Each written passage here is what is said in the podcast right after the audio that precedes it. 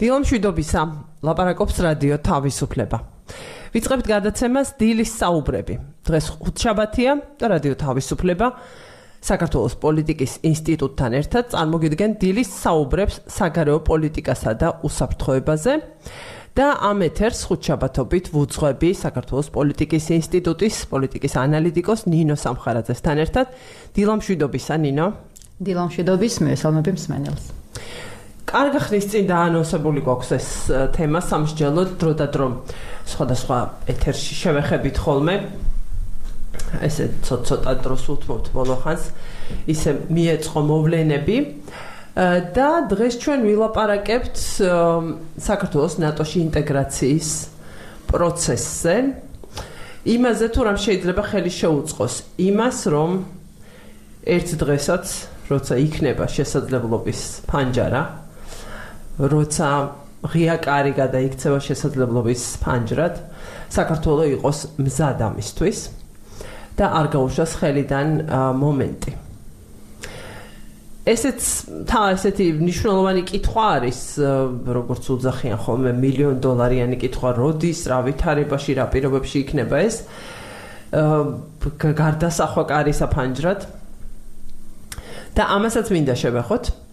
და ასევე ჩვენ სტუმრებს სტუმარს მინდა მივესალმოთ ბატონ კორნელი კაკაჩიას საქართველოს პოლიტიკის ინსტიტუტის დირექტორს და თანაავტორს ნაშრომისა პოლიტიკის დოკუმენტისა რომელიც სწორედ ამ თემას შეეხება შემდეგი ეტაპი ნატო საქართველოს ურთიერთობებში დემოკრატიის დეფიციტის აღმოფხვრა. ესეთი გახლავთ სახელწოდება ამ გამოკვლევის რეალურად შეიძლება ითქვას რომელშიც რომელშიც გამოყენებულია ნაზრევი პოლიტიკის ექსპერტებისა, ვანდო კორნელი დილამშვიდობისა. დილამშვიდობისა.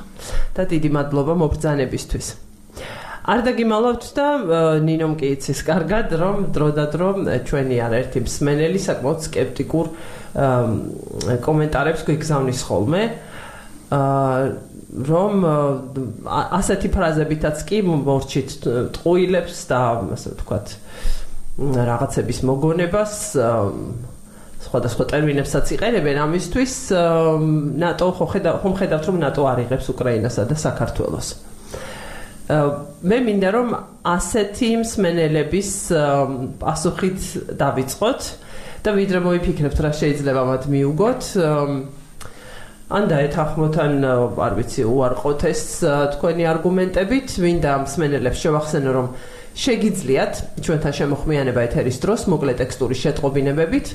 ნომერზე 59595500055-ზე 595950055-ზე და შევუდგეთ საუბარს ჩემს კითხვაზე. პასუხი დავიწყოთ და შემდეგ ნინოსთან გადავიდეთ იმენა რომ პირველში დავიწყები იქიდან რომ პრინციპში ამ ადამიანებს აქვთ სკეპტიციზმის საფუძველი გამომდინარე იმ რეალობიდან რომელიც დღეს გვაქვს მათ შორის უკრაინის ნატოში დაწევრიანებასთან და საქართველოს ნატოში დაწევრიანებასთან დაკავშირებით იმიტომ რომ ეს პროცესი გაიწელა უსაშველოდ და ნუ ბუნებრივია რომ ეხლა ჩვეულებრივ ადამიანებს ასე თქვა არ მოსწონთ ეს და გასაგებიც არის. მით უმეტეს იმ კონტექსში რომ რაც დღეს ხდება უკრაინაში როდესაც ფაქტიურად ეს უკრაინელები მთელი რა ვქო თითქმის მეორე წელიწადი გავიდა დღე დაღამე იბრძვიან და თავიანთ სისხლის ფასად ასე თქვა ცდილობენ შეინარჩუნონ დამოუკიდებლობა ხო რომელიც რა თქმა უნდა მარტო მათი ასე თქვა მათ დამოუკიდებლობაზე არ არის. ეს ომი არამედ უფრო დიდი იმპლიკაცია აქვს მთელი რეგიონისთვის. ну აქედან გამომდინარე ბუნებრივია რომ ამას შეხედავს ჩვეულებრივი მოქალაქე და მით უმეტეს თუ გაითვალისწინებს იმ დინამიკას რომელიც არსებობს.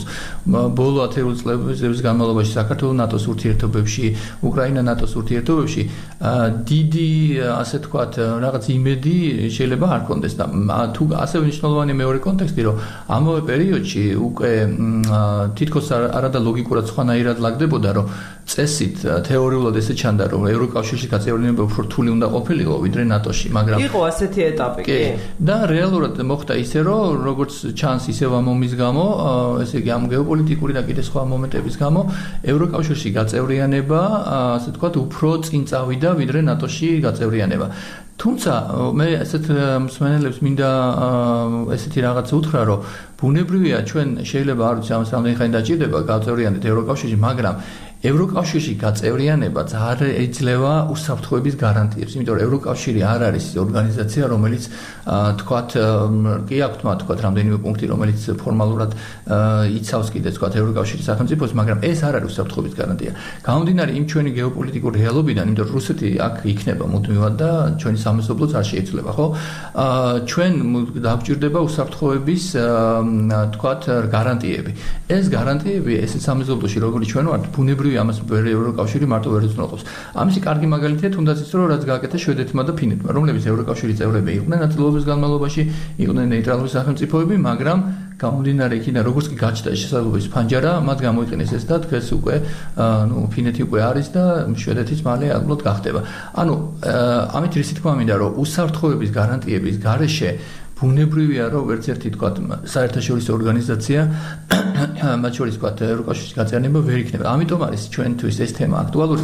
შეიძლება ხა ამ ეტაპზე ჩანდეს რომ რაღაც ფუფუნება ჩანდეს იმ მომენტში, როდესაც მთელი ჩვენი ეროვნული ენერგია მიდის ამ ევროკავშირის გაწევრიანებისკენ, მაგრამ ეს პარალელური პროცესია. ანუ ჩვენ არ უნდა დაგვაუწყდეს რომ ეს შესაძლებლობის ფანჯარა შეიძლება გამოჩნდეს ნატოსთან დაკავშირებით. როგორც ჩვენ მაგეთ ორი წლის წინათ ვერავინ ვერ იფიქრებდა რომ უცებ გაიხსნებოდა ეს და გახსოვს კიდეც ხო ჩვენ მაშინ რაზო საუბრობთ რომ დავდიოდეთ ევროპის დედაქალაქებში და უბრალოდ იმას საუბრობთ რომ ევროპული პერსპექტივა მიეცათ ამ სამი ქვეყნისთვის და საერთოდ არავის სარეგონა რომ ეს რაღაც რეალური იყო. მაგრამ შეიცვალა კონტექსტი შეიცვალა ეს გეოპოლიტიკური რეალობა და დღეს სამივე ქვეყანა არის კანდიდატის სტატუსით ხო?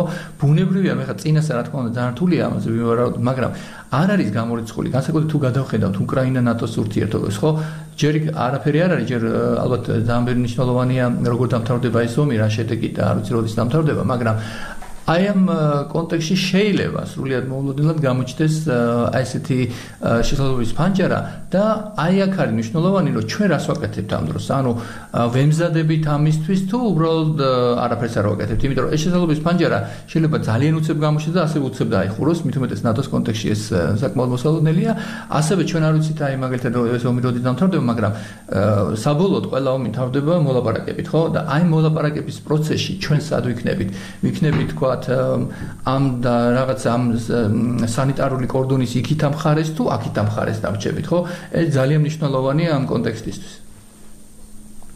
ნინო შენც მინდა რომ გამოეხმაურო ამ სმენელს წერს ახლა უკვე ამ წუთას სხვა მსმენელი რომელიც ეთყობა საქმის კურსში არ არის უნგრეთის ბლოკავ შვედეთის გაწევრიანებასო და გადაილახა ეს საკითხი. ჩემო ბატონო ორიოდე დღის წინ უნგრეთის პარლამენტმაც დაუჭირა მხარი. შვედეთის გაწევრიანებას ნატოში და ეს იყო ბოლო ასე ვთქვათ ფორმალური ბარიერი აწი წინ რომ იტყვიან ცერემონიები გადარჩა. ასე რომ ეს საკითხი გადაწყდა.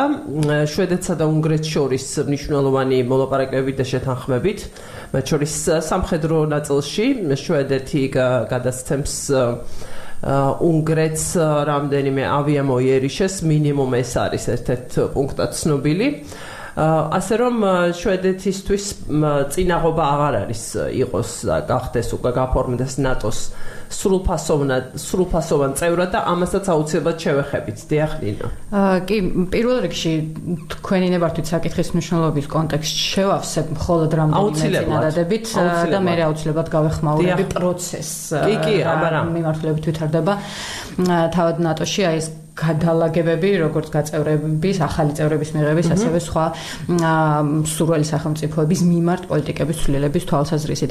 აა ყოველთვის უნდა გვახსოვდეს და აი ეს ნაშრომიც ამის ნაწილი არის, რაც ჩვენ რამდენიმე კვირის წინ გამოვაქვეყნეთ, რომ ყველა ნატოში მიმდინარე ყველა პროცესს აქვს თავისი ძალიან დიდი ნიშნული, რომელიც არის სამიტები და ჩვენ გვახსოვს, რომ ვილნიუსის სამიტის დროს ამ ეთერ ეთერშიც ბევრჯერ გვისაუბრია და ბევრი გამოქვეყნდა ამაზე.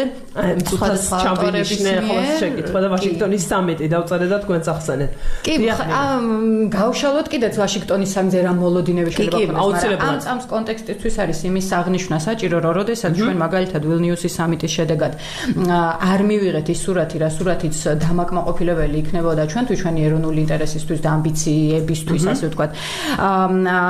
ამაზე თითქოს ყოველთვის ხდება ხოლმე პოსტფაქტუ პოსტუმ აჟიოტაჟი რა უნდა გაგვეკეთებინა, რატო ვერ გავაკეთეთ ის, რაც ვერ გავაკეთეთ, რატო ვერ მივაღწიეთ იმას, რასაც ველოდით.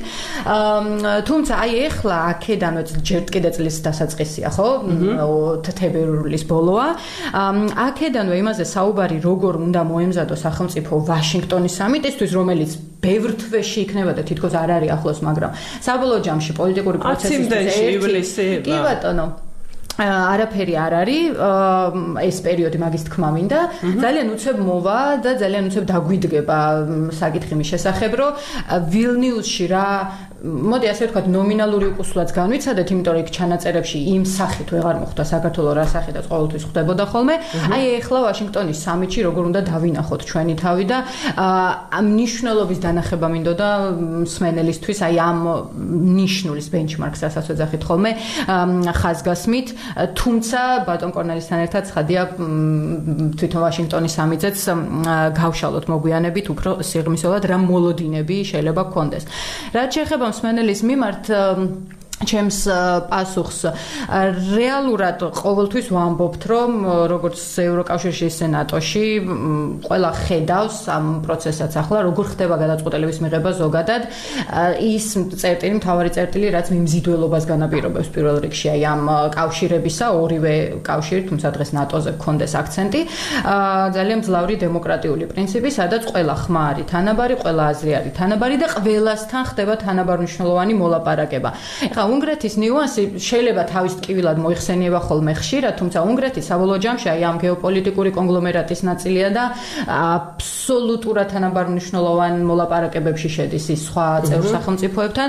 და აი ამ ჯანსაღი პროცესის მე ასე დავარქმევდი შედეგი არის ის, რომ დღეს საბოლოო ჯამში ნატო არის განსაკუთრებულად ერთიანი, გაზრდილი, გაზრდილი შესაძლებლობებით, როგორც მათემატიკურად, ისე პოლიტიკურად და გეოპოლიტიკურად, აქედან გამომდინარე საბოლოო ჯამში პროცესია ნატო, ნატოს გაფართოება და არამოცემულობა. ეს იქნებოდა ამ შემთხვევაში ჩემი პასუხი მსმენელის მიმართ, რომელიც შეიძლება არასწორად იყო ერთი მხრივ ინფორმირებული, მაგრამ სკეპსისი მაინც შეინარჩუნოს პოტენციურად.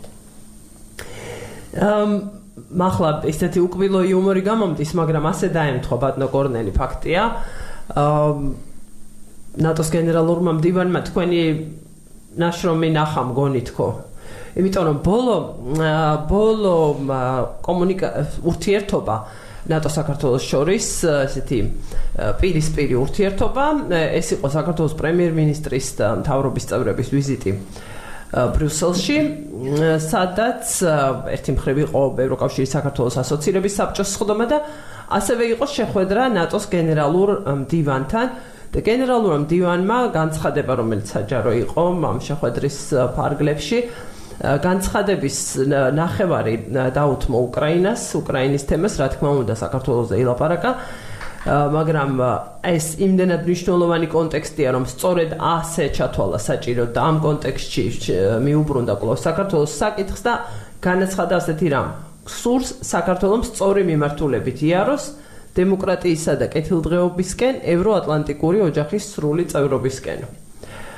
პრაქტიკულად ასე ვთქვათ ის რაც არის დღეს მისთვის მკაფიო და ნათელი ეს გზავნილი აა ასე ვთქვათ გამოაცხადა მისცა საქართველოს დელეგაციას. არსი თქვენი ამ ნაშრომისაც ეს არის. ამის ეს იყო თქვენი წინასწარი როგორ თქვა იდეა რომლის დადასტურებასაც ელოდებოდით თუ მართლა ეძებდით რა შეიძლება იყოს შემდეგი ეტაპი ნატო საქართველოს ურთიერთობაში, როცა მუშაობდით ექსპერტებთან? ხო, პირველ რიგში ეს თემა იკითხებოდა უკვე მანამდეც, იმიტომ რომ ჩვენ თუ გადავხედავთ აი ბოლო წლების თქვა ნატოს მაღალჩინოსნების ვიზიტებს, როდესაც წინ საქართველოში მოდიოდნენ, მათ შორის ჩვენ ცალკე ხვდებოდნენ ექსპერტებს კიდეც ოფიციალურ განცხადებებსაც აკეთებდნენ, სულ მუდმივად ბოლო წლებში შემოვიდა ახალი თემა, რომელიც მანამდე არ ფიგურირებდა, ეს არის დემოკრატიის გაძლიერება. ზუსტად ისეთივე თქვა რაღაც კონტექსტით, როგორც ევროკავშირი ითხოვს ამას და ნუ ბევრ რაღაცაში ხო ევროკავშირში რაც გვაქვს იგივე სხავალდებულება ის შესრულება აბსოლუტურად ახლოს არის იმასთან რასაც ნატო მოითხოვს იმიტომ რომ რაც უფრო დემოკრატიული ხდება ქვეყანა მით უფრო ადვილია მისი ინტეგრაცია ხო? და ბუნებრივია რომ ეს თემა ჩანდა უკვე ბოლო წლების განცხადებაში და უკვე დაემატა იმ თქვათ იმ ერთ-ერთ სავარაუდო თემებს რომელიც აბკოლებს ნატო საქართველოს ურთიერთობას. ნუ ერთი ვიცით ეს არის ოკუპირებული ტერიტორიები თქვათ სხვა თემები კიდე თქვათ პოლიტიკური ნების არ ქონა ნატოში და სხვა რაღაცები და უცებ გამოჩნდა ბოლო წლებში აი ეს მესამე თემა დემოკრატიის დეფიციტი. და ჩვენ ამიტომ ჩვენ არ გვინდოდა ხა მარტო ჩვენი აზრი ჩვენ ეს დოკუმენტი შეიქმნა ესე იგი ექსპერტებთან ან ფოკუს ჯგუფი გავაკეთეთ ექსპერტების რომლებიც არიან ჩახედულები ჩახედული საკმაოდ კარგად ნატო საქართველოს ურთიერთობებში და მათაც სამ ექსპერტ ჯგუფის ასე თქვა დასკვნამაც დასკვნაც ესეთი იყო რომ ეს არის ერთ-ერთი საკითხი და არ უნდა დაგვავითეს რომ ეს ხდება იმ კონტექსში როდესაც ჩვენ ფაქტიურად შეიცვალა ჩვენი სიტუაცია უკრაინასთან, ჩვენი დუეტი, რომელიც აქამდე არათეული წლების განმავლობაში ერთად მიდიოდა, დაიშალა. და უკრაინა ერთი ნაბიჯი წინ არის, ხო? ანუ შეთანხმდნენ ბოლო ვილნიუსის სამიძე, რომელსაც მეც პირადად ვესწრებოდი, რომ უკრაინას აღარ დაჭირდება მაპი. ნუ რა თქმა უნდა ეს არ ნიშნავს ეხლა რომ თქვა მომავალ სამიძე მიიღებენ უკრაინას, მაგრამ ეს საკითხი ასე თუ ისე გადაწყვეტ, ანუ ისინი უბრალოდ ელოდებიან შესაძლებლობის ფანჯერას. როგორც კი გაჩნდება შესაძლებლობის ფანჯერა, დიდი შანსია რომ უკრაინა ამაში მიიღოს. აი აი ამ დროს და ეს ძალიან მნიშვნელოვანია საქართველო ერთი ნაბიჯით უკან არის, როდესაც წინა წლებში ჩვენ გვახსოვს, რომ საქართველო იყო წინ და მაგალითად იყო პერიოდი, როდესაც ჩვენ არ გვინდოდა უკრაინასთან დუეტი, იმიტომ რომ უკრაინა იყო ასე თქვა, თქვა იგივე რეფორმების კორუფციის ყოფნა. კი, აფერხებდა ამ საქართველოს ჯგუფს. დღეს ეს სიტუაცია კონტექსტურად ძალიან შეიცვალა და აქედან გამომდინარე არის ძალიან მნიშვნელოვანი, რომ ჩვენ ამ დუეტში მოვიაზრებოთ ის კი არა ბოლო პერიოდში ლაპარაკი არის იმაზე, რომ მოლდოვა რომელიც ნეიტრალურია და ჯერ კიდევ ესეთეს წევრი არის ისიც კი ცდილობს არაფორმალურად რაღაც კავშირები უზრუნველყოს მათ შორის ნატოსთან თქვა იგივე რაღაც შეერაგების გადაცემის და რაღაცები ანუ პრაქტიკულ პრაქტიკულ თემებზე თანამშრომლობს. მათ შორის სომხეთიც კი რომელიც არის რა ვიცი კოლექტიური საფრთხეების ორგანიზაციის და ყველა ოსაბჭოთა თუმცა ხო ძალიან უკვე შეზღუდულ რეჟიმში რა თქმა უნდა რა თქმა უნდა მაგრამ ისინიც კი ანუ აი ამ დროს ჩვენ რაც ქონდა პლუსი ყველაზე ჩვენ ჩვენ ვიყავით ყველაზე მეტად დაახლოებული ხო ბოლო წლებში და რაც ყველაზე თავარია საქართველოს გაიღოს საკმაოდ დიდი მსხვერპლი ამისთვის იმიტომ რომ საქართველოს იმიჯი შეიქმნა ბოლო წლებში სწორედ აი ამ ჩვენი აქტიურობის გამო თუნდაც ავღანეთში ერაყის მისიებში სხვა რაღაცა და უცებ ამ ყველაფერზე უარის თქმა როდესაც შენ გავს ეს უპირატესობა არის რაღაც არ ვიცი წარმოუდგენელი და აი ამ კონტექსში არის სწორედ მნიშვნელოვანი ის რომ რამდენად ვაცნობიერებ ჩვენ რომ მესმის რომ დღეს თქვა არ ვიცი რაღაც ხელშესაჭიდი შეიძლება ესე არ ქონდეს მაგრამ ასევე ხელშესაჭიდი არ ქონდა ევროკავშირთან დაკავშირებით. მაგრამ აქ ლაპარაკი არის ამ პოლიტიკის დოკუმენტში იმაზე რომ ჩვენ რო გამოჩნდეს ეს შეძლების ფანჯარა ჩვენი მიზანი უნდა იყოს რომ როგორც კი გამოჩნდება იქ შეკითხვები კი არ უნდა იყოს რამდენად ზად არის საქართველოს ამისთვის არის დემოკრატიული ქვეყანა ის თუ აი როგორც მაგალითად შვედეთის და ფინეთის შემთხვევაში იქ საკითხი საერთოდ არ იდგა ესე რომ რამდენად დემოკრატიული აკმაყოფილებს თუ არა ამ მოთხოვნებზე რაღაც ან ავტომატურად ეს ყველაფერი მანამდეც იყო გადაწყვეტილი და აი ამაზე არის ლაპარაკი თქვა ამ დოკუმენტში რომ ჩვენ სწორედ ეს დრო რომელიც ამ პერიოდში სანამ ეს შესაძლებლობის პანჯარა გამოჩნდება გამოვიყენოთ ამისთვის გავაძლიეროთ ჩვენი თქვა ეროვნული საფრთხეობა მედეგობა და აი თქვა როცა დადგება ეს მომენტი აი შევახდეთ იმ მატარებელს რომელიც გამოჩნდება ამ თემასთან დაკავშირებით. ბანდო კორნელის საინტერესო თემასთან დაგვაბრუნეთ გადასაწყისიდანვე ვახსენეთ რამდენჯერმე. ფინეთისა და შვედეთის ნატოში ინტეგრაციას რაც შეეხება. დიახ მთელი ამდენი წლის მანძილზე 10 წლეულების მანძილზე ამ ქვეყნების ნატოში ინტეგრაციის საკითხი, ნატოში ინტეგრაციის პროცესზე მსჯელობა ესეთი ცოცხალი თემა არ ყოფილა. და მოხდა უცბად უკრაინის წინამდე რუსეთის სრულმასშტაბიანი აგრესიის დაწყების თანავე პრაქტიკულად წამოიჭრა ეს საკითხი. ძალიან საინტერესო ინტერვიუ არის რადიო თავისუფლების საიტზე, რადიო თავისუფლება წერტილი GE. პატრიკ ოქსანენთან, შვედი ჟურნალისტი, მწერალი გახლავთ, შვედეთის ომის მეცნიერებათა სამეფო აკადემიის წევრი, რომელსაც ესაუბრა რასაკვირველია ვაჟა თაუბერიძე, ჩემი კოლეგა. და ის ამბობს ძალიან საინტერესო ინტერვიუ აუცილებლად გაეცანით რადიო თავისუფლება წერტილი GE-ზე. ბევრი რამ იქნება გასაგები. თუ კი მართლა გაინტერესებთ ეს თემა და შეკითხვებზე პასუხები. ვინაიდან ფინეთისა და შვედეთის ნეიტრალიტეტი საქართველოს სახლში და დისკუსიებში იყო ხომ ეს თემა ნეიტრალიტეტის რაღაცა მოსინჯვები ამ თემის სხვადასხვა მხრიდან.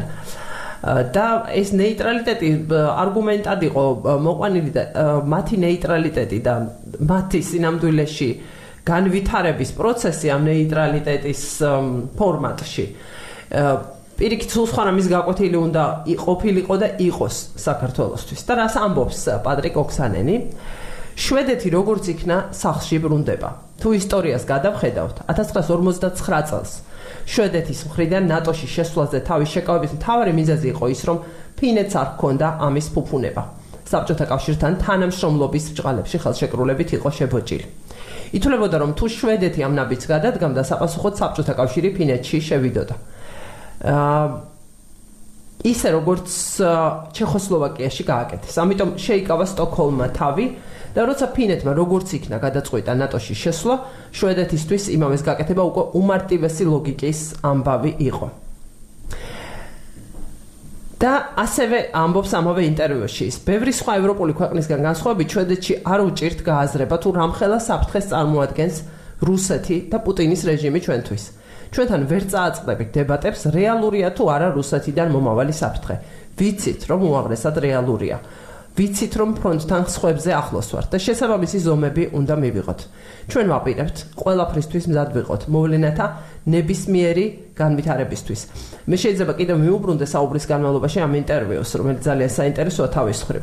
უბრალოდ იმის თქმა მინდა, რომ ამ ორი ქვეყნის ნეიტრალიტეტის ისტორია სინამდვილეში იყო ამ ორი ქვეყნის გაძლიერების ისტორია დემოკრატიის კუთხით უპირველესად, ასევე სამხედრო თვალსაზრისით, ასევე ნატოსთან ძალიან აქტიური თანამშრომლობის კუთხით და თელი ეს ისტორია სწორედაც ამიტომ შეიძლება. არა იმიტომ რომ ნეიტრალიტეტი აირჩიეს, იმიტომ რომ რაღაც თქვათ როგორ თქვა, ესე ჩუმად ყოფილიყვნენ და არავის შეემჩნია. სინამდვილეში ის თავის დროზე არჩევანიც კარგად არის მოკლედ და ლაკონიურად არის განმარტებული და ისიც რომ თელი ამ ხრის განმავლობაში ნეიტრალიტეტის მიუხედავად ამ ორ ქვეყანას რანაირად ახალ ბეხსიერებას ხომ ვერ წაიშლიდნენ არ დაუკარგავს აღქმა და განცდა რუსეთიდან მომდინარე საფრთხეებისა ადეკვატური აღქმა და შესაბამის ნაბიჯებსაც დგამდნენ.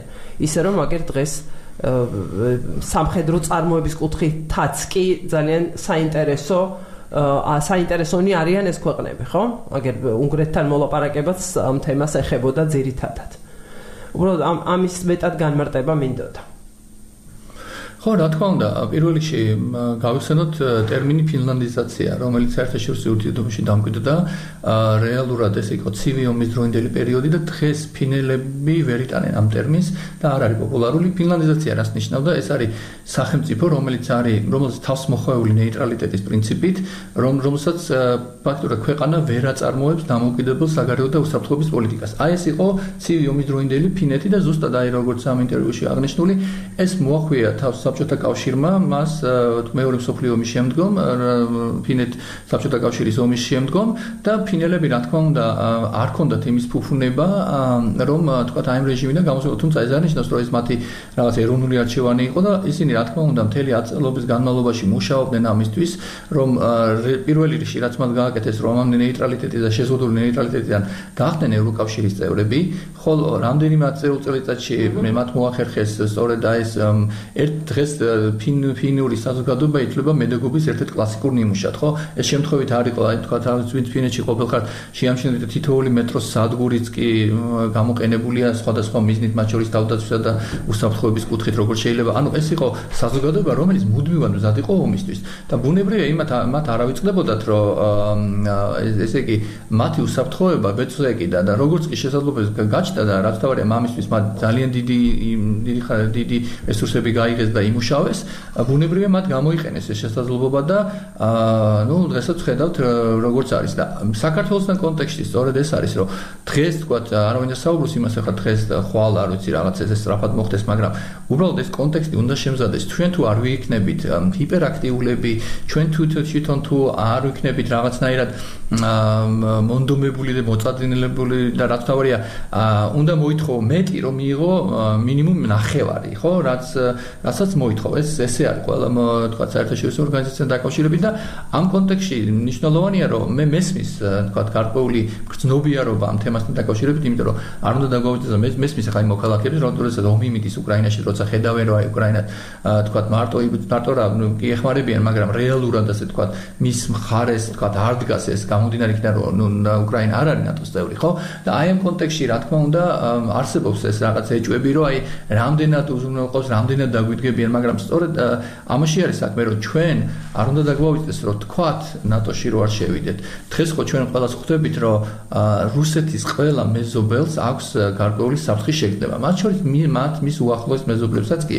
მათ შორის ყაზახეთს ბელორუსს ანუ არც ერთ მის მეზობელს დღეს აი ამ რეჟიმის პირობებში არ აქვს უსაფრთხოების გარანტიები. ეს თითოეულ მათგანს უბიძგებს შეცვალოს თავის საგარეო პოლიტიკური ხედვები და უსაფრთხოების მათ შორის აზერბაიჯანი ავიღოთ ხო? აზერბაიჯანმა პირდაპირ ასე თქვა უკვე სტრატეგიული ურთიერთობები აქვს თურქეთთან ნუ სხვა ქვეყნებიც ასე თუ ყაზახეთი და სხვაებიც ცდილობენ ამ ქვეყნებში. ანუ ყველა ცდილობს რომ გამომდინარე იქიდან რომ ეს ასიმეტრია დიდ სახელმწიფოსა და რუსეთსა და თქვა ამ მეზობლებს შორის ძალიან დიდია.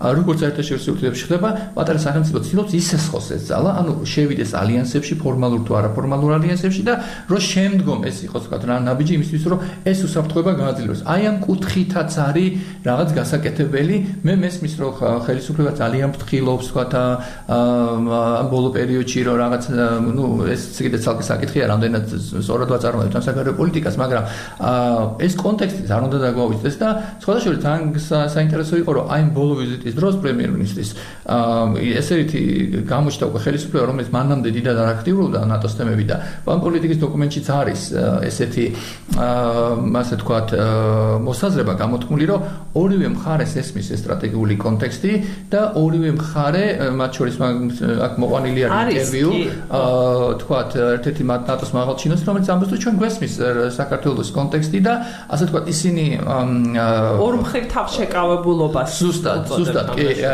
აი ეს თავშეკავებულობა იგრძნობა თუმცა ეს არ ნიშნავს იმას, რომ ჩვენ ასე თქვა მინიმუმ კულუარებში ან სხვაგან არ ვიცი, არ ვიმუშაოთ იმაზე, მით უმეტეს კიდევ ერთხელ ამბობ, საქართველოს აქვს დიდი ინვესტიცია ჩადებული და ჩვენ არ აქვს უგუნება, რომ ეხლა ეს გავანიავოთ რაღაც ჩვენი აი ამ რაღაც ორ გავგებარი რაღაც ზიგზაგებით საგარეო პოლიტიკაში და აი ბოლო ვიზიტი სწორედ ამიტომ იყო საინტერესო, რომ ბოლო პერიოდში ხელისუფლების წარმომადგენლები უკვე ითხოვენ რაღაც საგზაო რუკას ნატოსგან, მაგრამ ეს ყველაფერი როგორ ეს ულტიმატუმი თავმჯდომარის გამოსვლაში იყო. აი როგორც ევროკავშირი. ეს ზოგადად ცუდი არ არის, მაგრამ ასე არ უნდა დაგვიძეს კონტექსტი, რომ ესე იგი პირველ რიგში სანამ საგზაო რუკაზე ვიწყებ საუბარს, შეკითხვები არ უნდა იყოს მათ შორის დემოკრატიის განვითარებასთან დაკავშირებით, თქვათ იმ რეფორმებთან დაკავშირებით, რომელიც საჭირო ამ რაღაცა, ანუ ეს არაერთხელ უნდა მიდიოდეს. უმეტეს თუ საქართველოს ყველა ვარიანტში აპირებს შეასრულოს ხო ეს ხრავალდებულება, ეს ძალიან დაეხმარება ამ პროცესს, ხო?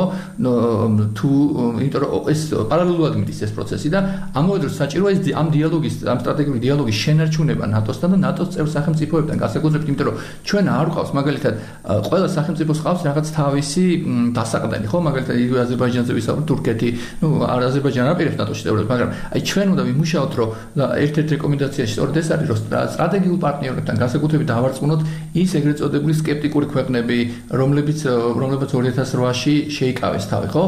და ამ ქვეყნების პოზიციები ჩვენ და გასაკვირად შეიცვალა საგნობრად. მათ შორის აი, რასაც საფრანგეთი აკეთებს ახლა, ვიცი, ბოლო წლების განმავლობაში ვერ გაიგებს საფრანგეთის პრეზიდენტი ამბობს ამას თუ ესტონეთის პრეზიდენტი, იმიტომ რომ იმდენად დაახლოვდა მათი საგარეო პოლიტიკური ხედვები. ეს იძლევა შესაძლებლობის ფანჯარა სწორედ რომ აი ეს ქვეყნები, მათ შორის გერმანია, ვიცი, ბრიტანეთი და შეერთებული შტატები, მაინც გვიჭერდნენ ხარს, მაგრამ ნუ აი ამ ქვეყნების ხარდაჭერა მოიპოვა და სწორედ აი ეს დრო შეიძლება გამოვიყენოთ იმისთვის, რომ გავაძლიეროთ ეს, არ ვიცი, ფორმალურად იქნება და არაფორმალურად ეს კონტაქტები, რომ ამ კუთხით, თქვათ რაღაც შეკითხვები, რომელიც არსებობს, რაღაც არის და აი ხა ბოლო პერიოდში ისე შეაბეჭდილება იქნება, ჩვენი ეს ურთიერთობები რაღაცა გაცივდა, ხო, რაღაც ორმხრივად, ნუ ხო, გავაგრძელოთ საუბარი ამაზეც რეკლამის დროა რადიო პალიტრის ეთერში და უნდა გამომეცხადო ეს პაუზა, რამდენიმე წუთით ვტოვებთ რადიო ეთერს და უბრუნდებით სულ მალე უწყვეტად გრძელდება ჩვენი ეთერი.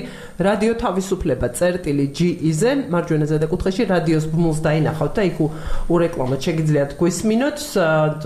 სულ მალე დაგიბრუნდებით რა თქმა უნდა. და სწორედ ამაზე მინდა გავაგრძელოთ საუბარი. თქვენ ახსენეთ ერთ-ერთი კრიტიკის საგანი მაგალითად არის ხოლმე საქართველოს ზოგიერთი სამ საქართველოს ხელისუფლების პოლიტიკის ნაწილში და ეს მგონი თვითონ ეს კრიტიკაც არასწორად არის გაგებული და აღქმული. სიფრთხილე ამ მიმართულებით. თავისთავად სიფრთხილე პოლიტიკაში, საგარეო პოლიტიკაში საჭირო კომპონენტია ძალიან, რა თქმა უნდა. როდესაც ამას გარკვეული მიზანი აქვს და მოვიშველიოთ იგივე შვედეთის და ფინეთის მაგალითი თქო ვამბობ სიფრთხილე არის ის როცა შენ ცდილობ ამ სიფრთხილით მოიგო დრო მოიგო დრო საქმისთვის. უბრალოდ დრო მოიგო და დრო გაიყვანო არა ეს დრო გამოიყენო საქმისთვის გამოიყენო ქვეყნის გაძლიერებისთვის სხვადასხვა მიმართულებით მათ შორის თავდაცვის და უსაფრთხოების მიმართულებით. ნინო კი, რეალურად ამ პოლიტიკის დოკუმენტის ერთ-ერთი ძალიან საინტერესო ტერმინს გამოვიყენებ ამ პარალელის გასავლება ზუსტად, როდესაც ჩვენ სტრატეგიული მოლოდინის რეჟიმში ვართ, ხო, აი ამ კომბინაციას. ძალიან ხშირად გავიგებთ ისედაც, მაგრამ საბოლოო ჯამში ჩემი აზრით, ეხა რითაც თან მინდა გავეპასუხო, ასე ვთქვათ, ბატონ კორნელის აი ამ წინა კითხვაზე პასუხს. არის ის რომ რეალურად განსხვავების დაჭერა მნიშვნელოვანი საქართველოს სტრატეგიულ მოლოდინსა და ფინურ შვედურ აი ამ სტრატეგიულ ნეიტრალიტეტს შორის. როგორც ჩვენ ამ დიალოგში სწორად აღნიშნეთ არსებობენ ქვეყნები რომლებიც ძალიან აქტიურად და ზოგიერთ შემთხვევაში პროაქტიულადაც იყენებენ აი ამ მოლოდინის რეჟიმს. ამ რაღაცა რესურსების დაზოგვის ხარჯზე სხვა ამ გამო თავისუფლებულ რესურსებს მიმართავენ სახელმწიფოს მედეგობის თუ დემოკრატიული კონსოლიდაციისთვის. მაგრამ მეორე მხრივ ჩვენ კარგად უნდა განმარტოთ ჩვენი ქვეყანა არის თუ არა ამ რეილსზე. მაშინ, როდესაც ჩვენ ვამბობთ, რომ ვართ მოლოდინის რეჟიმში, თავშეკავების რეჟიმში, არ ვაკეთებთ ზედმეტ მოძრაობებს გლობალურ არენაზე ჩვენი თავის დამკვიდრებისთვის იქ ყოველ შემთხვევაში სადაც გვინდა და სასარგებლოდ მიგვაჩნია. ამ ამ ფონზე შეფასებაა საჭირო ჩვენი სტრატეგიული მოლოდინის სინამდვილეში არის მოძრაობა ხდება სხვა მიმართულებით, საქართველოს განვითარების თვის სხვა მიმართულებებით, თუ არის უბრალოდ სიფრთხილე სიფრთხილისთვის, ასე დავარქვათ, რომ უძრაობის ხანა ერთგვარი. ხო და აი ამ განსხვავებებს როცა დავინახავთ, უფრო მეტად გამოიკვეთება ალბათ იმ მაგალითი სარგებლიანობაც ჩვენთვის, რაც იგივე ამ პოლიტიკის დოკუმენტში ამოცემული ფინური შვედური მოდელების მოდელებთან მიმართებით. ასე რომ საბოლოო ჯამში ხო ეს შედარებაც არის ჩვენთვის ძალიან მნიშვნელოვანი გზამკვლევის შემდგენი, ასე ვთქვათ. და ერთი რაღაც მინდა დავამატო, ერთ-ერთი მიზეზი, მიზეზი რატომაც ჩვენ გადაწყვეტეთ ამ დოკუმენტზე მუშაობა ის იყო, რომ ბოლო პერიოდში შეინიშნება გარკვეული სტაგნაცია მორხული ურთიერთობებში და აი ჩვენი მიზანი ის იყო, რომ როგორ გამოგვეცოცხლებინა აი ეს თემა ისე რომ თქვათ რაღაცნაირად ეს არ დაიჭდილოს და რაღაც არ გადავიდეს სრულიად არ ვიცი რაღაც შორს შორს მოვალ პერსპექტივაში ხო? და აქედან გამომდინარე არის ასე ნაკარნახები ეს რომ მე მესმის რომ ამ კონტექსტში როცა მიმინდის ჯერ რაღაცები ნუ ხალხს ახლა შეიძლება არ არ იყოს მზად ამისთვის და თემისთვის მაგრამ ეს არ ნიშნავს რომ ჩვენ არ უნდა ვიფიქროთ. მათ შორის ხელისუფლებამ და ერთ-ერთი ასე თქვა ადრესატი ამ პოლიტიკის დოკუმენტის არის ხელისუფლება. ნუ რა თავისთავად თვითონ ნატო და მენამისი წარმომადგენლები რომლის სხვადასხვა ესწრებოდნენ თვითონაც ამ შეხვედრას და ძალიან საინტერესო ასე თქვა მოსაზრებებიც ჰქონდათ ამიტომ საჭირო არის ამ თემაზე ესე რაღაც კი არ უნდა მივჩქმალოთ ეს რაღაც, არამედ ვიფიქროთ ერთად, თხილად, რა თქმა უნდა, გვესმის ეს ყველაფერი და ამ დოკუმენტში წერია, რომ ეს სიფრთხილე გასაგებია, თუმცა სიფრთხილე არ ნიშნავს იმას, რომ ჩვენ უნდა გქონდეს ეს სტრატეგია, ხო? აი, ჩვენი ძირითადი სტრატეგია, რომელიც გამომდინარეობს ჩვენი ეროვნული ინტერესებიდან, აი ამას არ უნდა გაცდეს ეს და ეს არ უნდა დაემსგავსოს ისეთ რაღაც არ ვიცი პოლიტიკას რომელსაც მიზნები არ აქვს. ბოლოს და უბრალოდ თავარი არის რომ რაღაცნაირად რუსეთის ასე თქვა გეოპოლიტიკურ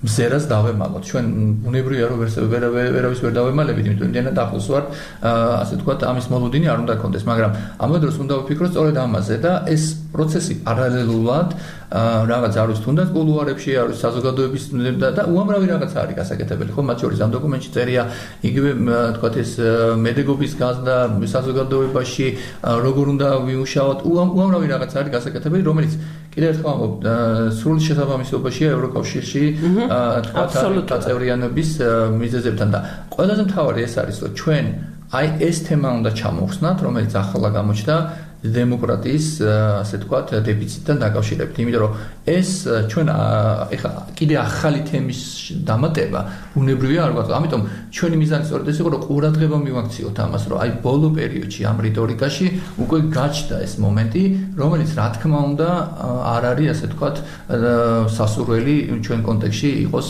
ასე თქვათ გამოყენებული მომავალშიც. ხომ სმენელი დაუბრუნდით ხომ მგონი ეთერში რადიო პალიტრის რადიო პალიტრის ეთერში დაუბრუნდით ხო რადიო პალიტრის მსმენელს გეტყვით ვინც ახლა შემოგვიერთდით რომ თქვენ უსმენთ რადიო თავისუფლების დილის საუბრებს და ხუთშაბათობით რადიო თავისუფლება და საქართველოს პოლიტიკის ინსტიტუტი ერთად წარმოგიდგენთ დილის საუბრებს საგარეო პოლიტიკასა და უსაფრთხოებაზე. და დღეს ჩვენ ყავს სტუმარი კორნელი კაკაჩია რომელიც გახლავთ თბილისის სახელმწიფო უნივერსიტეტის ჟან მონეს პროგრამის პროფესორი და საქართველოს პოლიტიკის ინსტიტუტის დირექტორი და საქართველოს პოლიტიკის ინსტიტუტმა გარკვეული ხნის წინ სულ მინდოდა ამ თემას თემის გაშლა ჩვენს ეთერში მოამზადა ნაშრომი შემდეგი ეტაპი ნატო საქართველოს ურთიერთობებში დემოკრატიის დეფიციტის აღმოფხვრა სრულად შეგიძლიათ ნახოთ საქართველოს პოლიტიკის ინსტიტუტის ვებსაიტზე ისევე როგორც არაერთი სხვა საინტერესო ტექსტი. და ამ ამ ტექსტზე მუშაობაში ჩართული იყო არაერთი რამდენი ექსპერტი ბანაკორნელი დაახლოებით 10-12 ექს ქართველი ადგილობრივი ექსპერტები რომლებთან ერთადაც განხილული იყო სწორედ ეს გამოწვევები და შესაძლებლობები ნატოსთან ურთიერთობის განვითარების კუთხით მინდა ხმსვენელის კომენტარს ჩავხედეთ ხო და იმან წაიღო ჩემი თვალი და ყურადღება იმიტომ დავა პაუზე რა საგზაო რუკაო იმიტომ ჩემ შეკითხვას შემდეგ შეკითხვას შეკითხვასთან დაკავშირებულია ცდილობს უხერხო მდგომარეობაში ჩააყენოს. ნატო აშკარად ალბათ ვიღაცის დასანახად აკეთებსო. აი ამას ეხება ჩემი შეკითხვა არასაკმარისია მართლაც რა საგზაო რუკა არასაკმარისია ის ფორმატები რაც საქართველოს და ნატოს თანამშრომლობისთვის არსებობს უკვე წლებია.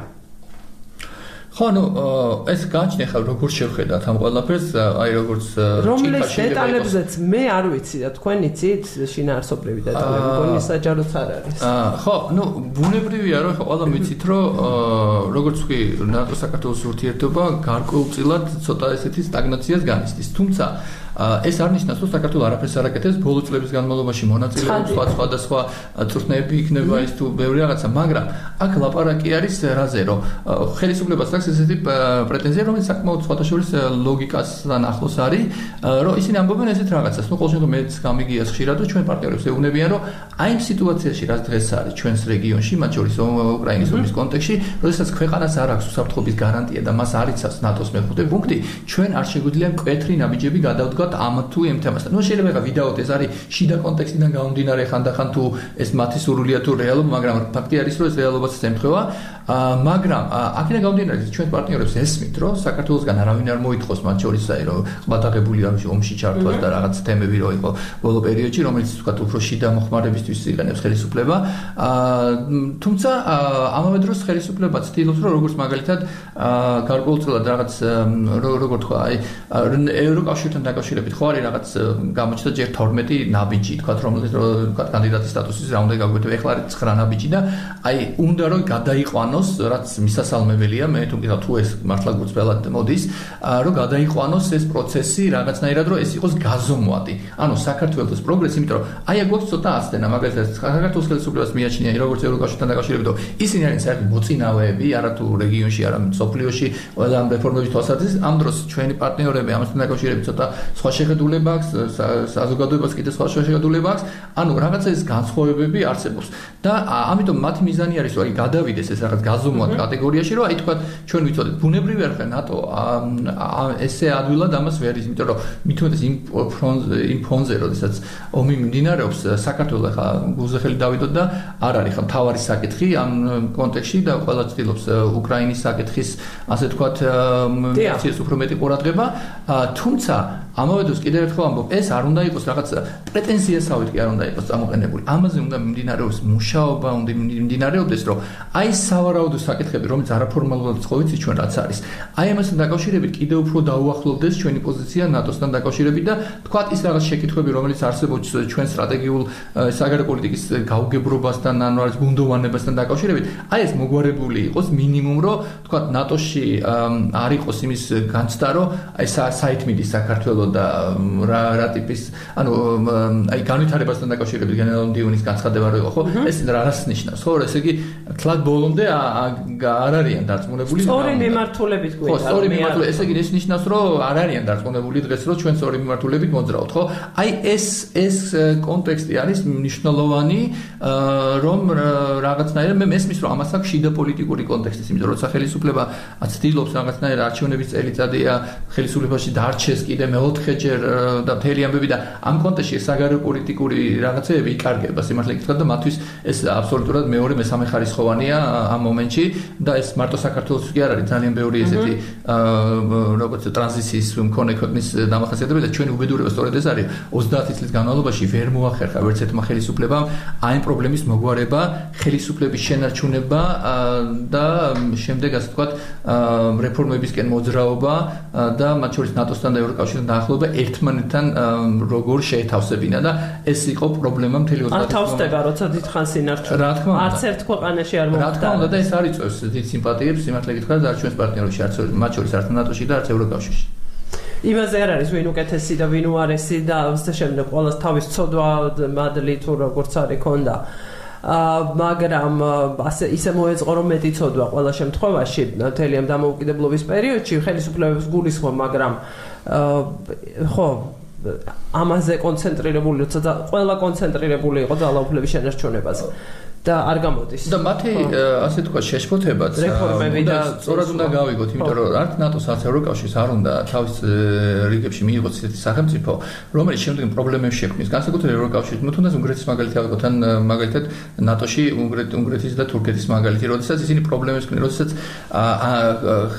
ხელისუფლება შეიძლება იყოს ძალა, რომელიც ანგარიშვალდებული არ არის თავის იმის გარეშე და როდესაც ქვეყანას აქვს გარკვეული დემოკრატიის დეფიციტი, ეს სერიოზულ პრობლემებს ქმნის და შეიძლება კრიზისის გამ გამოიწვიოს მოიწვიოს ამ ორგანიზაციებში. ამიტომაც არის, რომ ესენი მარტო საქართველოს მიმართ კი არ არ აქვს ესეთი მოთხოვნა, ყველას მიმართ აქვს. მათ შორის, იმიტომ რომ ისინი ხედავენ, რომ ხშირად ასეთმა სახელმწიფოებმა შეიძლება გარკვეული პრობლემა შექმნან, მით უმეტეს, რომ ეს ორგანიზაციები მუშაობენ კონსენსუსის საფუძველზე. იმ განხილვაზე სხვათა შორის თქვენ რომ ახსენეთ ამ დოკუმენტის განხილვაზე სწორედ იყო საგარეო საქმეთა სამინისტროს წარმომადგენელი რომელმაც ის თქვა რომ ნატოსგან მეტ მეტ ინიციატივას ველითო ეს იყო არსი მისი რეპლიკისა. და ეს ორმხრივი ის უნდა იყოს პროცესიო და პირიქით იქით თვით კრიტიკა არ ყოფილა იყო კრიტიკა ალიანსისა.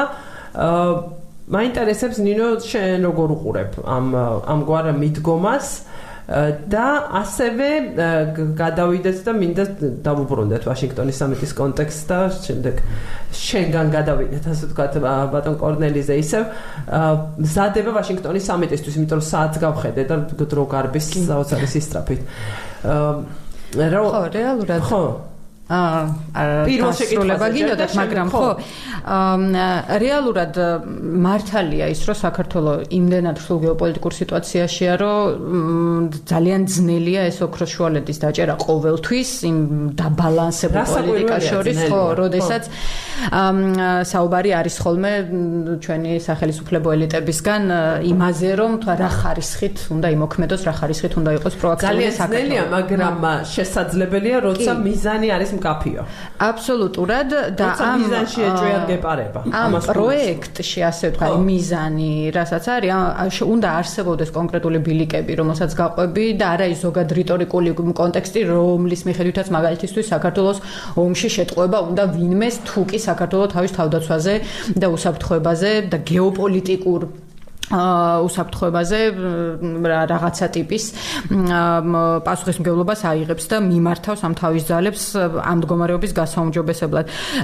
ოდნავ უფრო რაც ჩვენ ცოტა ნიუანსურად ვახსენეთ, მაგრამ ძალიან კარგად არის გაშლილი დოკუმენტში, ამ მიმართულებით არის ეს ერთგვარი ჭალებში მიტმასნების პოლიტიკები, პატარა ალიანსების შექმნის პოლიტიკები, ამ შემთხვევაში მაგალითისთვის უკრაინასთან, რომელიც ისედაც როგორც ჩვენ საუბრის წინა ნაწილში ვთქვით, ისედაც ყოველთვის ჩვენი პარტნიორი სახელმწიფო იყო მსგავსი უსაფრთხოების გამოწვევებით, მსგავსი პოლიტიკური მდგომარეობით, ზოგჯერ ერთია წინ, ზოგჯერ მეორეა წინ, თუმცა საბოლოო ჯამში მაინც ძალიან მსგავსია და ძალიან საერთოა გამოწვევები და შესაბამისად საბოლოო ამოცანები. აქედან გამომდინარე, ახლა მაგალითისთვის უკრაინისგან ჩამოშორება შეიძლება ერთგვარი სიგნალი იყოს თავად ნატოსთვის, რომელსაც ხშირად ჩვენ ასე ვაკრიტიკებთ თავისი უმოქმედობის გამო საქართველოს მიმართ თუ გაურკვეველი სტრატეგიული ხედვის გამო, მოგვიაზრებს თუ არა ნატო ჩვენ თავის გეოპოლიტიკურ სივრცეში, როდესაც ამ კითხვას ვსვამთ. კითხვა ამავდროულად პარალელურად ჩვენ თავსაც უნდა დავუსვათ, ჩვენ რა ტიპის გეოპოლიტიკურ სივრცეში მოვიაზრებთ თავს და უკრაინის კონტექსტი მაგალითად როდესაც ჩვენ ძალიან უცებ პოლიტიკურად აქ არ არის საუბარი სამხედრო ოპერაციების თუ სხვა ბევრად უფრო ა ესეთი მტკივნეული მოძრაობების მიმართულებით პოლიტიკურად და გეოპოლიტიკურად უცებ ძალიან სწრაფად ჩამოვწყდით ასე თქვა აი ამ კუნძულს ესე დავარქვათ ვიზუალურად რომ წარმოვიდგინოთ და სადღაც სხვაგან ვართ ახლა და ეს სხვა სადღაც სხვაგან ყოფნა ჩვენი მხრიდანაც ბუნდოვან სიგნალებს გზავნის ამის თქმა მინდა. შესაბამისად ჩვენ თუ კი ნატოს ვაკრიტიკებ და ძალიან ხშირ შემთხვევაში რატომაც არა დასავლური ორგანიზაციები ზოგადად აი თავიანთი ბიუროკრატიის გათვალისწინებით თუ ძალიან ბევრი კომპლექსურობის ბევრი ნიუანსის გათვალისწინებით ძალიან ხშირად თავად თავად აფერხებენ ხოლმე რაღაც პროცესებს. აქედან გამომდინარე იმისთვის, რომ ჩვენ მართებული კრიტიკის არგუმენტები, ხელშესახებ ინსტრუმენტები გქონდეს ხელში, მე მაგალითად ვისურვებდი, რომ ჩვენ ვიყოთ ბევრად მკაფიოები ჩვენ გეოპოლიტიკურ ხედვებში ჩვენი სახელმწიფოს შესახებ. ამით შევაჯამებ ალბათ იმ კითხვაზე პასუხს, რომ სად არის ეს ოქრო შუალედი ეს ბალანსი, რომ აი საინტერესო მოსაზრება გამოთქვა ლაშაძე ბისაშვილმა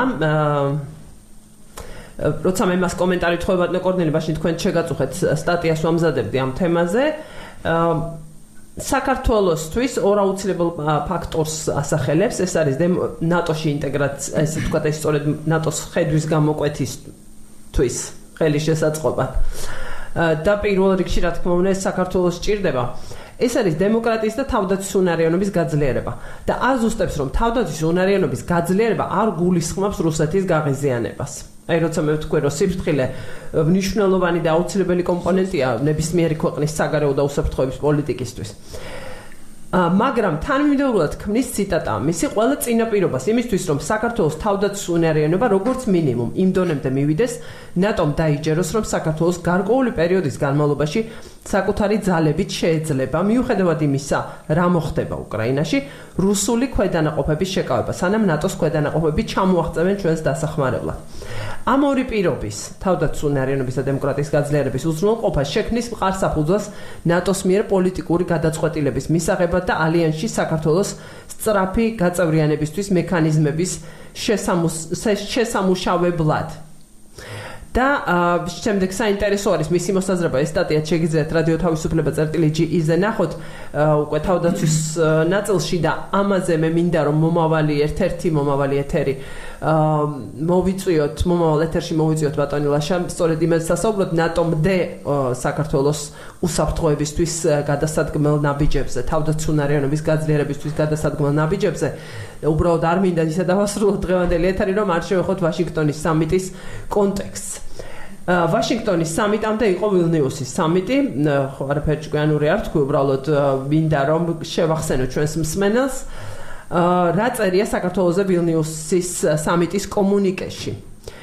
კვლავ ვადასტურებთ ნატოს 2008 წლის ბუქარესტის სამიტზე მიღებულ გადაწყვეტილებას, რომ საქართველოს გახდება ალიანსის წევრი, გაწევრიანების სამოქმედო გეგმის მაპის, როგორც პროცესის განუყოფელი ნაწილის გავლით.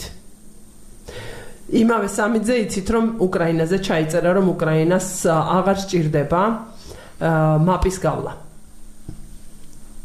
ვანდო კორნელი და ნინო დაგვრჩა 6-20 წუთი დასრულებამდე. ეთერის რა შეიძლება რა შეიძლება გაკეთდეს ვაშინგტონის სამიტამდე?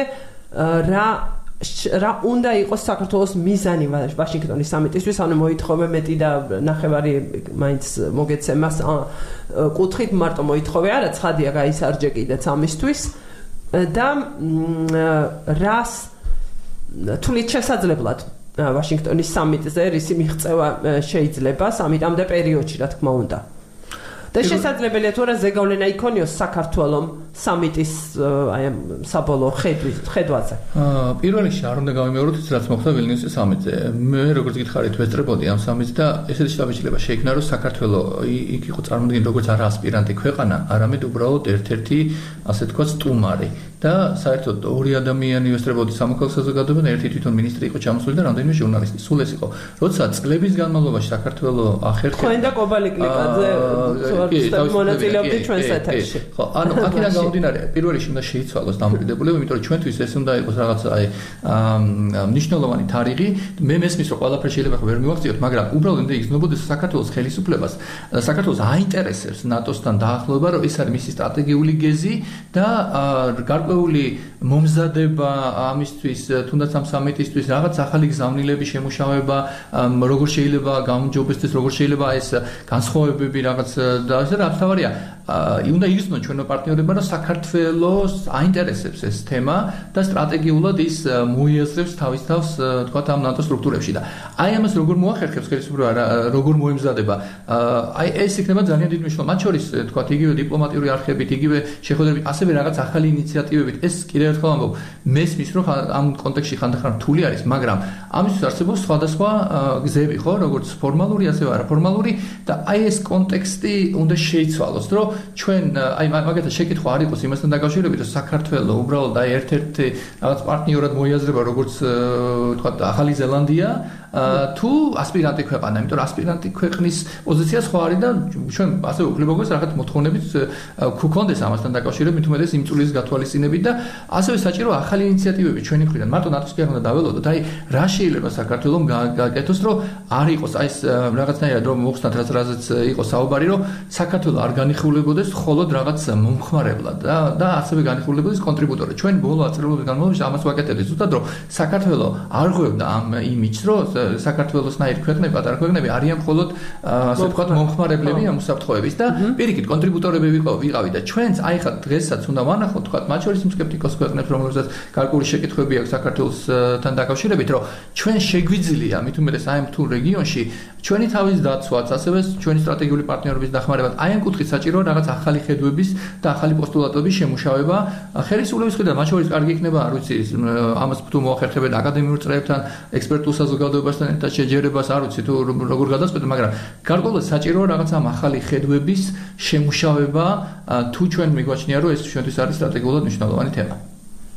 კი მე ჩემი მხრივ იმას დავამატებ, რომ ეს მნიშვნელობა ორმაგად იზრდება იმის გათვალისწინებით, რომ არჩევნების წელია ჩვენ ქვეყანაშიც და გლობალურადაც და ამიტომ ყველა პოლიტიკური ელიტა, ყველა სახელმწიფოში, ყველა დედაქალაქში განსაკუთრებით ფრთხილია, განსაკუთრებით თავშეკავებულია, განსაკუთრებით ელოდებიან, მათ შორის საქართველოსი რა შეიძლება მოხდეს, როგორ შეიძლება მდგომარეობა შეიცვალოს, ან თუნდაც არ შეიცვალოს პოლიტიკურად, ის თუ კი თქვათ კონიუნქტურა პოლში და პოლიტიკური კონიუნქტურა ზუსტად იგივე დარჩება 20-24 წლის არჩევნების მერე რაც აქამდე იყო, ესეც გარკვეული სიგნალი იქნება, მნიშვნელოვანი სიგნალი იქნება კოლექტიური დასავლეთისთვის, ხო?